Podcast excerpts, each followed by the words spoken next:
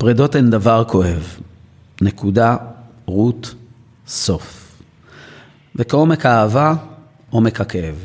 כשנפרדים, לא משנה מי יזם את הפרידה, הדבר הראשון שאנחנו רוצים לעשות זה להעלים את הכאב.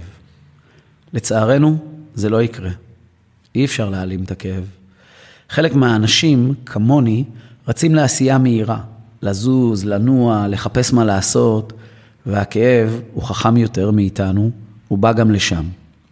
האשליה שככל שתרוץ מהר יותר, כך תצליח לברוח מהכאב, היא טעות. בחיי חשבתי שהכאב יחלוף אחרי כמה ימים, כמו שבדרך כלל מתרחש בחיי. ואז באמת, כמה ימים הכאב היה מופיע בעוצמתו, אני עובר את מה שצריך לעבור, וכמה ימים לאחר מכן זה נראה כבר משתפר. ואז, הכאב שיותר חכם מאיתנו, מופיע בשיא הדרו, ומעין אומר לי, מה אמרת עזרי? ומופיע שוב בשיא תפארתו. חברה יקרה שלחה לי אתמול לייב של אדם קסום שמדבר על פרדות. איש שפשוט מניח את הדברים כמו שהם, בצורה אותנטית. איך היא תיארה אותו? כמו כוסברה. או שאתה אוהב אותו או שאתה לא. וכמה שאני שונא כוסברה, אבל אני גדול מכך. אני יודע להקשיב לכל אדם שמחלק מתנות, גם אם הוא שונה מדרכי ההגשה שלי. אני אשמח לחלק איתכם את התובנות, ויכול להיות שחלקן לא יהיו לכם חדשות, וחלקן בטוח שכן. תהנו. אז ביחס לכאב, רק הזמן ירפא את הכאב. מעצבן ככל שהמשפט הזה יהיה, הוא נכון. צריך לתת לכאב את כל הזמן שנדרש. ככל שתנסה לברוח מהכאב, להתעלם, כך הוא רק יהיה נוכח יותר. לא, לא לחפש לעשות דברים מול הכאב. כלומר, שיקטינו את הכאב או יעלימו אותו, זה לא יקרה. אז מה כן?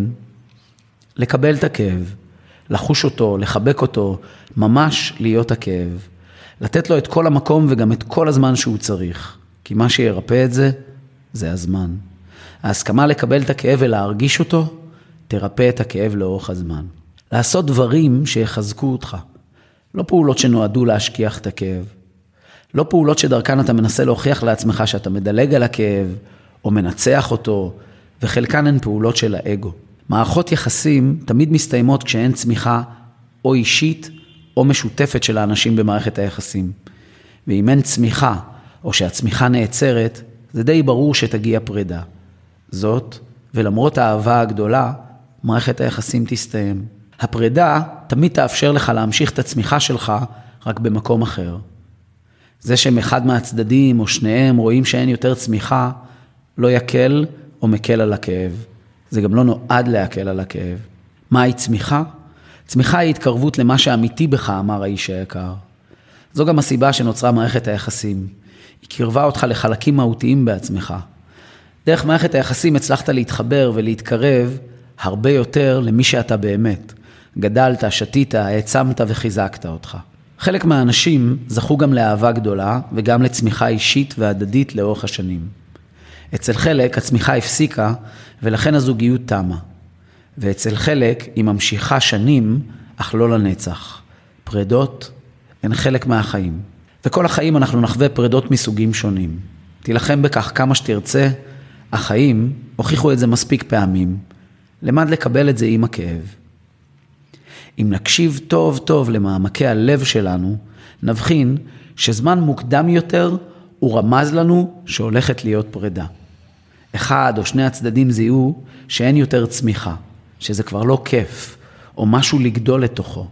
ואז עם כל הכאב והלב רמז, גם אם סירבת להקשיב, תבוא הפרידה. הניסיון לשמור על מערכת יחסים בהיעדר צמיחה, תביא רק כאב גדול יותר. איך אמרו משינה? להתראות אהבה, שלום כאב.